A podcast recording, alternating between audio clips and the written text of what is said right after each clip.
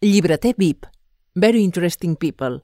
Una ruta per les set llibreries de Calonja de la mà de persones destacades del país i acompanyades per la Carme Panoll, amb qui conversaran sobre els llibres que els han marcat personal i professionalment.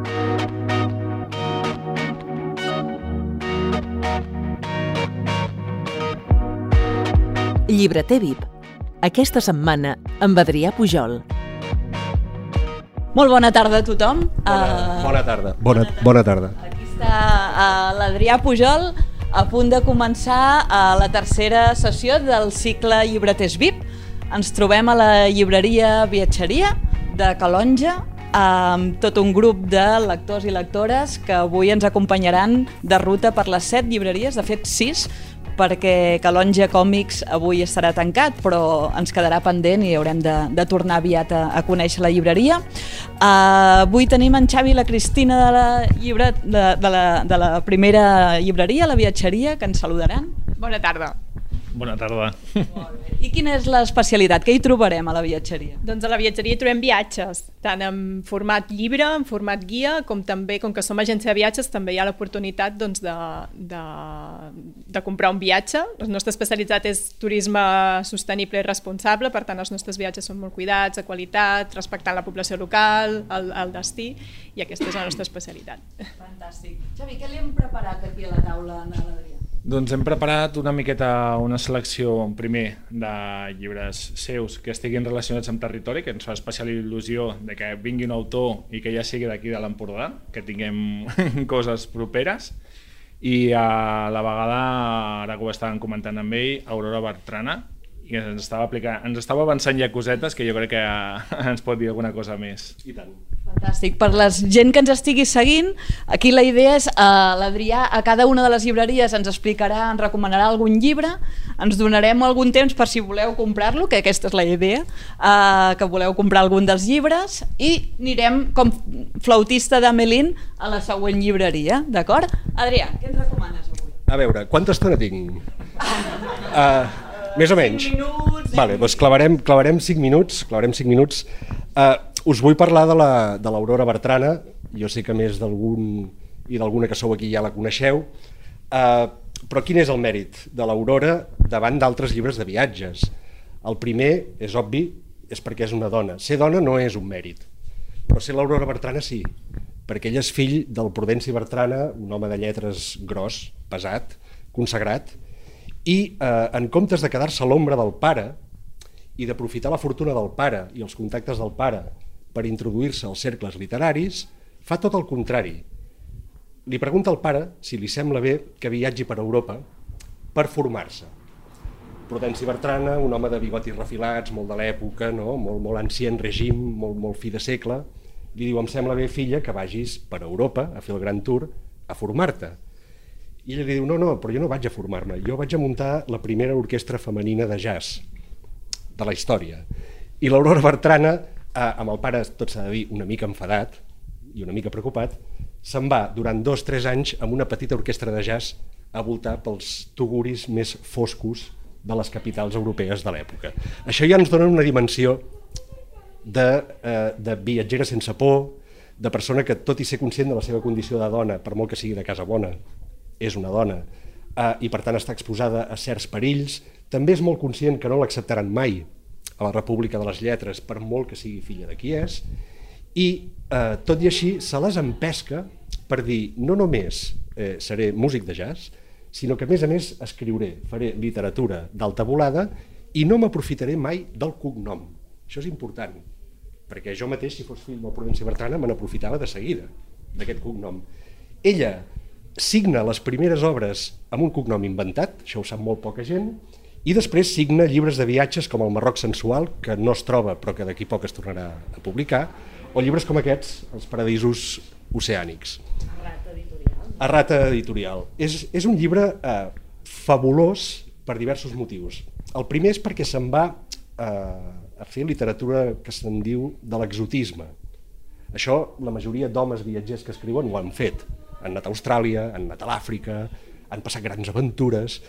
Però tornem-hi, aquí hi ha una mirada femenina que ens aporta un plus que la majoria de llibres d'homes no aporten, que és una mirada diferent.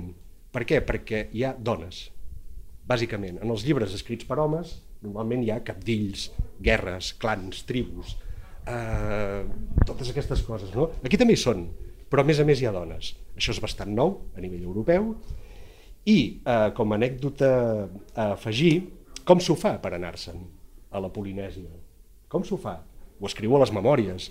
Es casa amb un diplomàtic per interès i per aprofitar que és un home que viatja, llavors el segueix allà on va el seu marit, però un cop arriben als llocs, ella es lloga una caseta a part per escriure. Aquesta és l'Aurora Bertrana.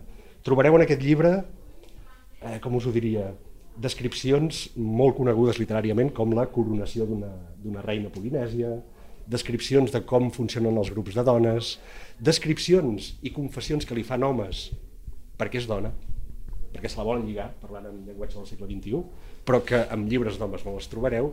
Jo, sincerament, és un llibre que ja vaig llegir molt abans que es, es tornés a recuperar a rata, però que com a llibre de viatges creieu-me que no té res a envejar a les grans cròniques que s'han fet de continents exòtics. Val a dir que hi ha una cosa que tanca el cercle, l'últim català que ha visitat aquest lloc es diu Albert Serra. I és, i és la seva pel·lícula que passa aquí. Uh, L'Albert Serra, uh, si aconseguiu veure un documental antic que li van fer l'Albert Tom, que es deia El Convidat, que va a casa l'Albert Serra, el llom de paradisos oceànics apareix a la seva habitació. Vull dir que és una cosa que, que, que, ens, que ens porta tot allà mateix, no? He fet els 5 minuts? Vale. Molt bé, entrem a la segona llibreria, Llibux, la llibreria infantil i juvenil, aquí amb l'Adrià Pujol. Bona tarda. Què tal? On ens trobem? Sisplau. Ens trobem a Llibux. Molt bé. I què podem trobar a Llibux? A Llibux podeu trobar eh, àlbums il·lustrats, són llibres per nens i per, i per joventut. Vale, àlbums il·lustrat, contes clàssics, eh, àlbums il·lustrats també per adults i llibres de ciència, una miqueta de còmic. De novetats eh, d'aquesta setmana, què ens recomanaries? Així és que veig aquí la taula de novetats. Sí, que tinc alguna coseta. A veure, aquesta no és aquesta setmana, però La promesa del cap gros, vale? que és un, un, un àlbum il·lustrat infantil entre 3 i 6 anys que explica la història d'un cap gros i una papallona abans de ser papallona, vale? que es fan la promesa de tornar-se a veure, però cada cop que es veuen van canviant. I llavors al final no es reconeixen, és un conte que no té un final, és un final de la naturalesa, sí, que és realista. Fantàstic. Doncs eh, aquesta és eh, la recomanació de la llibretera i ara... Eh, ara em toca a mi. Uh, jo crec que vaig triar la Iseia i el Mataplanetes. I el mata... És enorme, és groc. Sí. Uh, aquí. Que... Mira'l. Ah, mira, oh, gràcies. Mireu, mireu, mireu, mireu. Mireu quin... Bueno, L'he traduït jo, no, no és que... Però no, no, no, no tinc comissió, jo ja he cobrat per això. Però mireu quina meravella, perquè mm, per diversos motius. A veure, a casa som bastant consumidors de literatura infantil i juvenil. Eh, tenim tres lleixes arran de terra on les nostres filles han vist uns llibres a la seva alçada tota la vida. És més, a casa ha passat allò tan bonic que les nostres filles, abans de saber llegir, ja portaven temps amb un llibre a la falda, perquè entre que te'l mires, te'l poses al revés, etc. I mm, ja saps que és un llibre abans de saber què diu. Per què dic que aquest llibre és important? Uh, perquè recupera una mica l'esperit del llibre que no és només per llegir. És un llibre tan gros, està fet expressament, que els nens i les nenes, que sempre estan per terra, a la que l'obren i s'estiren per terra, mm, no sé si Esclar, ara aquí tots som adults, però això per un nen petit és l'enormitat. Això és la cosa més grossa i més... Uh, us ho dic perquè, uh, per culpa d'haver de guanyar diners, que és lògic, els llibres infantils s'han anat empetitint. Cada cop són més petits, no passa res, però cada cop són coses més... I els grans, els bonics, uh, cada cop són més cars. Amb la qual s'ha perdut pel camí una cosa que era essencial del llibre infantil, que és que fos un llibre objecte, que fos un llibre que fins i tot, ostres, aquí s'hi pot passar hores un nen petit, veient els detalls. Claude Ponty, l'autor, ho fa molt bé, dibuixa coses petitones, detallets, pàgines que t'hi pots perdre, que avui la veus i veus una cosa, demà en veus una altra. Vull dir, per això volia recomanar aquest, perquè Club Editor, que no és precisament un editorial d'infantil, és el primer que fan, en farem més, eh, s'ha gastat els calés ha recuperat aquest esperit que jo us deia, uh, s'ha arriscat, perquè és un llibre que no sé què val, però que no deu ser barat, no, no deu ser barat perquè s'ha de pagar tot sí, això, sí. i tot i així ha fet aquesta aposta que jo crec tan necessària, que és els adults, les adultes ja llegim, ja ens agraden els llibres, bueno, som aquí, però què fem amb els petits? Què fem? Els hi donem aquells de quiosc, amb tot el respecte, de l'editorial Susaeta, que valen dos euros, que es fan malbé i que no aporten gran cosa, o per cada cinc Susaetes comprem aquest, que els donarà tota la vida, és que de grans encara el voldran tenir. Per tant, jo el que recuperava aquí, en aquesta llibreria, i gràcies per tenir-lo, era amb l'Aila Isei i el Mataplanetes que en farem més, a més a més. Vull dir, aquesta és la primera sèrie de 12 que en traduirem. Fantàstic, Adrià. Moltes gràcies. gràcies. S'havia preguntat, tens Monster? de manga. Molt bé. Uh, la tercera parada de la ruta és a la llibreria Orient. Acabem d'entrar-hi amb l'Adrià Pujol. Bona tarda. Bona. Què tal? Bona tarda. I aquí amb la llibretera que ens dona la benvinguda. Benvinguts tots i totes. Molt bé. Uh, què trobarem a la llibreria Orient? Pues tenim tot uh, orientat a Orient. eh, literatura japonesa, asiàtica, història, poesia, eh, espiritualitat... Perfecte. Què li hem preparat en el llibre VIP avui? Tenim alguna cosa que els li recomanis? El llibre aquest que em sembla que tenia ganes de trobar? El llibre es diu Set anys de plenitud Um, no. Un jueu que no. es diu Edgar Querets? No. I si no n'agafo un d'aquí, el comento. Sí, comenta. Vale. Aquest és molt bo.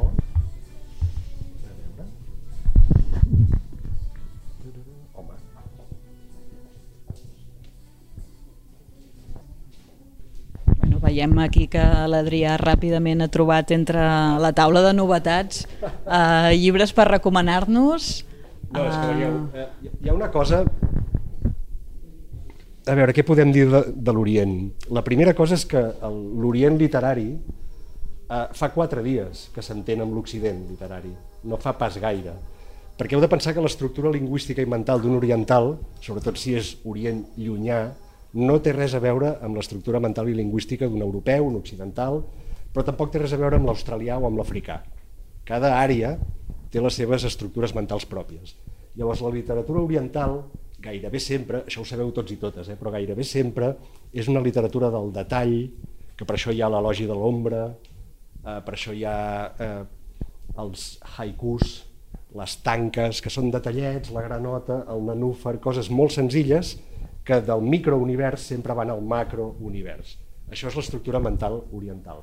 Quan això arriba a Europa al segle XVIII-XIX, gràcies als jesuïtes, als viatgers, gràcies a Marco Polo també, gràcies a tot això, Europa es reformula. I és quan neix el que respira en aquesta llibreria, neix l'espiritualitat. L'espiritualitat és un concepte occidental. No trobaràs un oriental que et digui soc espiritual. No el trobaràs, perquè no existeix aquest concepte orient. Quan això arriba aquí, eh, el gust pel detall, el gust per l'ombra, el gust per la llum, també hi ha elogi de la llum, també hi ha elogi del bambú, eh, són molt donats a elogi de elogi del nanúfer, elogi de l'aigua, de la bassa, de la granota, de la libèl·lula, no? del colibrí, fins i tot. Eh, quan això arriba aquí, es reformula i surten llibres com aquests, del Kerouac, Els vagabunds del Dharma, l'espiritualitat oriental, que és bàsicament quietista, és gent que no es mou, és gent que no es mou des que neix fins que es mor del lloc on va néixer, això és molt oriental, curiosament, a Occident es converteix en moviment espiritual, anar a buscar el Dharma, anar a buscar el destí, anar a buscar el grial, anar a buscar el que sigui. No? Jo crec que amb llibreries com aquesta, i això ho saps millor tu que jo, eh, és on podríem arribar a entendre, en els llibres que hi ha per aquí, com pensa aquesta gent i com continua pensant. Penseu que les novel·les de l'Ishiguro, que és escriptor japonès d'ara, eh, són de quietisme. Són de la penúltima, que es diu Un gegant enterrat. Hi ha un gegant enterrat a sota terra que deixa anar una boira que fa perdre la, perdre la memòria a la gent. Això és molt oriental. Són coses que un occidental és molt difícil que les pensi. Uh, L'altre, com es diu, el que no guanya mai el Premi Nobel, pobret, en... el Murakami, els llibres, del Mura... els llibres del Murakami és pensament oriental escrit a l'occidental, també, què passa en els llibres del Murakami, si n'heu llegit? No passa mai res. no passa mai res. N'hi ha que és tot una nit en un bar, l'altre és tot un dia fent no sé què, i només en té un sobrecórrer, sobrecórrer, que és un elogi de l'estar assegut.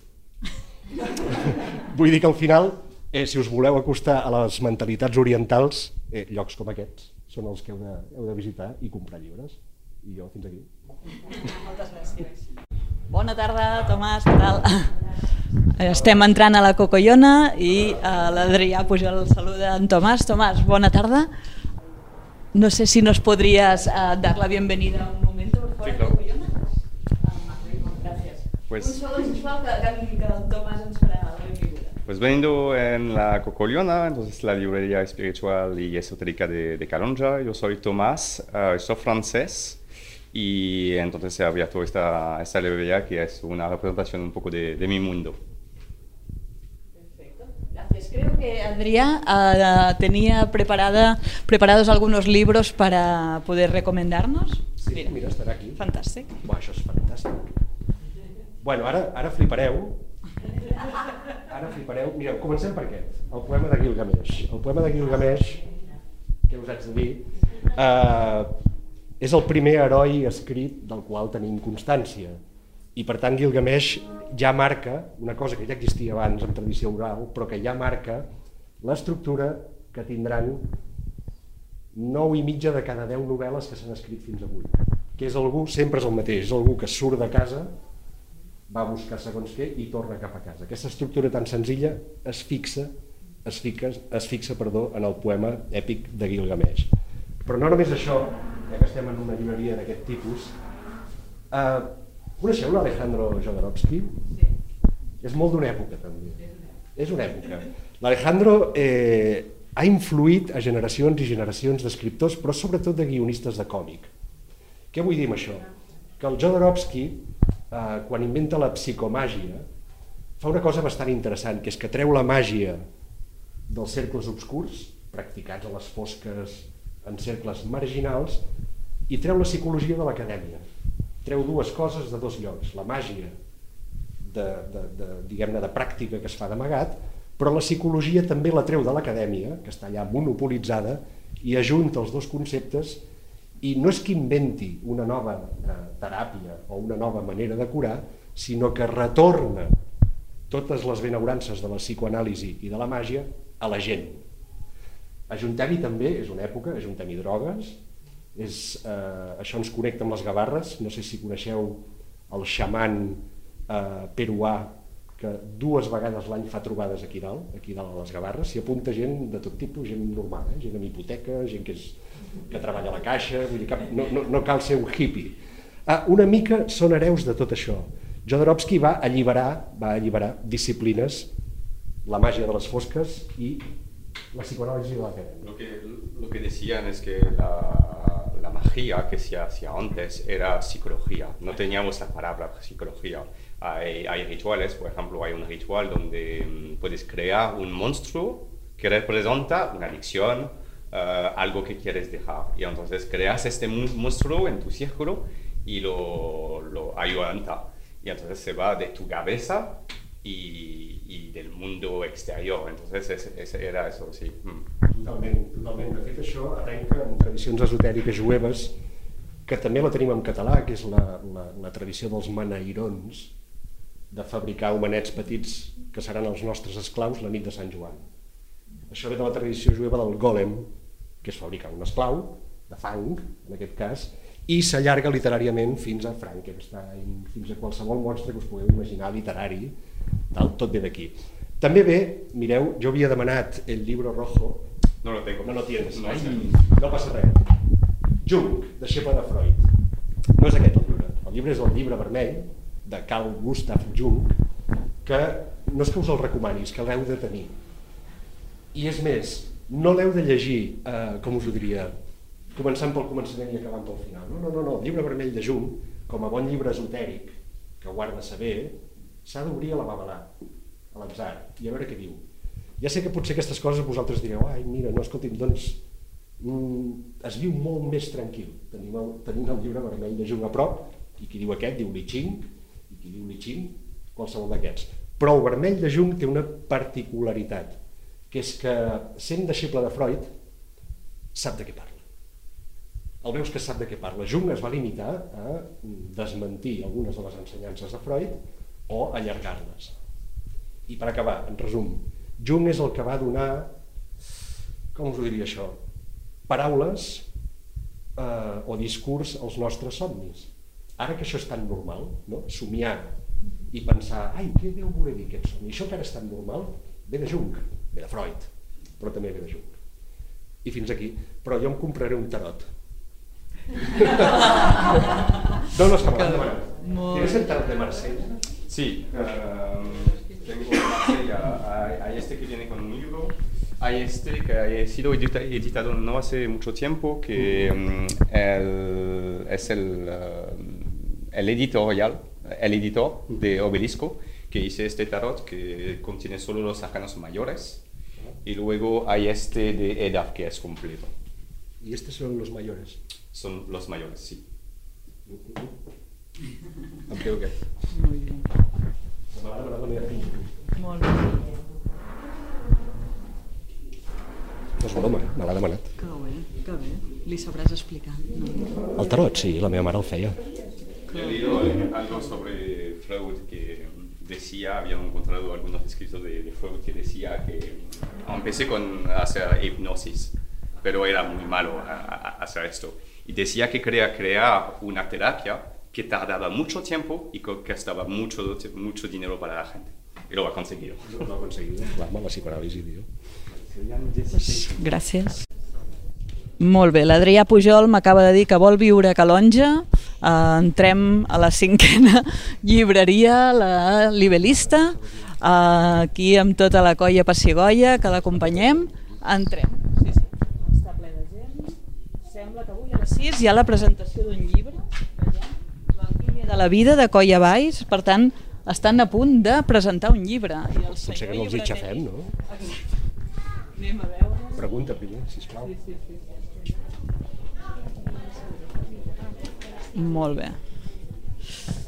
Bona tarda.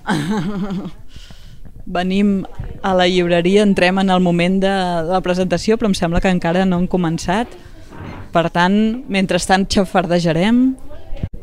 Molt bé. I a la librista saludem a la Belén. Bona tarda, Hola, Belén. bona tarda. L'Adrià Pujol Encantada. i tota la colla que el seguim. Llibreria, llibreria. Belén, què trobarem a la librista? Bueno, Libelista es, una, es el espai Libelista de Calonge, es una librería generalista, desde narrativa, novedades, un poco de poesía, filosofía, cocina, bueno, una mica de todo. Perfecte. Què li, podem, què li tenim preparat a l'Adrià Pujol? Bueno, mira, yo eh, he hecho caso omiso a la sugerencia. Entonces, bueno, eh, Parables de Arcadi, de Oliveres Vale, y Sergio Bebé, con su última novela. vale, doncs som-hi. He llegit els dos. Vull dir que... Bé. Sí, sí, sí. sí. Aquí eh, he de reivindicar el capital humà que tenim en aquesta llibreria amb la Belén, eh? que me consta que sempre l'encerta. Bueno, jo d'entrada és que només veient aquest aparador, això és una llibreria, mm, vull dir que podria estar a Barcelona. Aquí hi ha, hi ha quantitat i això s'agraeix, perquè quan vas a una llibreria no tens per què saber què vas a comprar. També que t'hi puguis passejar, que puguis fullejar. En aquest sentit, l'Arcadi tothom sap qui és, qui va ser, és mort, malauradament. És una mena de testament discursiu en el qual fixa, fixa el que per ell eren valors inalienables com la solidaritat, la pietat, eh, aquest cristianisme de base de l'Arcadi, sempre, sempre allà fent xup-xup, que és el que el feia un home tan, tan bo i tan pietós. Um, D'altra banda, l'Arcadi tenia un estil que aquí es veu bastant ben reflectit, que és que ell no proposava solucions dogmàticament. Ell suggeria, eh, perquè el món vagi millor, podríem fer això, perquè no hi hagi gana, podríem fer allò, perquè l'energia no, fes un, no fos un bé tan preuat, qui sap si podríem canviar de manera de fer. Això és l'Arcadi Oliveres. I Morir-ne 17, del Sergi Balbel, és el Premi Sant Jordi d'aquest any. Val a dir, jo sóc molt sincer, val a dir que a mi no m'ha acabat de convèncer del tot. Uh, la història és molt bona, en Sergi és un gran autor de teatre i per tant la trama, l'acció estan garantides. Uh, la barreja de thriller és molt interessant, eh? la barreja de thriller i de conflicte lingüístic i social entre catalans, castellans, surt el xerneguisme, surten coses interessants, però a mi m'hi falta una mica més d'ofici. Ell és molt bon teatre, però com a novel·lista us ho diré d'una altra manera, és una molt bona obra de teatre. Per tant, gràcies. Mira, em consta que aquí hi ha moltes teatreres. Molt bé, gràcies. Doncs anem a passejar-nos una mica. Em sembla que esteu a punt de començar una presentació amb la colla Baix. Perfecte, doncs eh, fem una ullada i tornem aviat. Gràcies. Vinga, i ens entrem a la sisena llibreria, la llibreria Rals. Molt bé. I tenim aquí, hi ha uns quants lectors xafardejant, Meritxell, molt bé, bona tarda. Presento l'Adrià Pujol. Bueno, aquí he posat el teu raconet. Alça. I he vist que a bé. la pàgina 112 parles de Calonja, llavors he pensat que això estaria bé de comentar. molt bé, la pàgina do...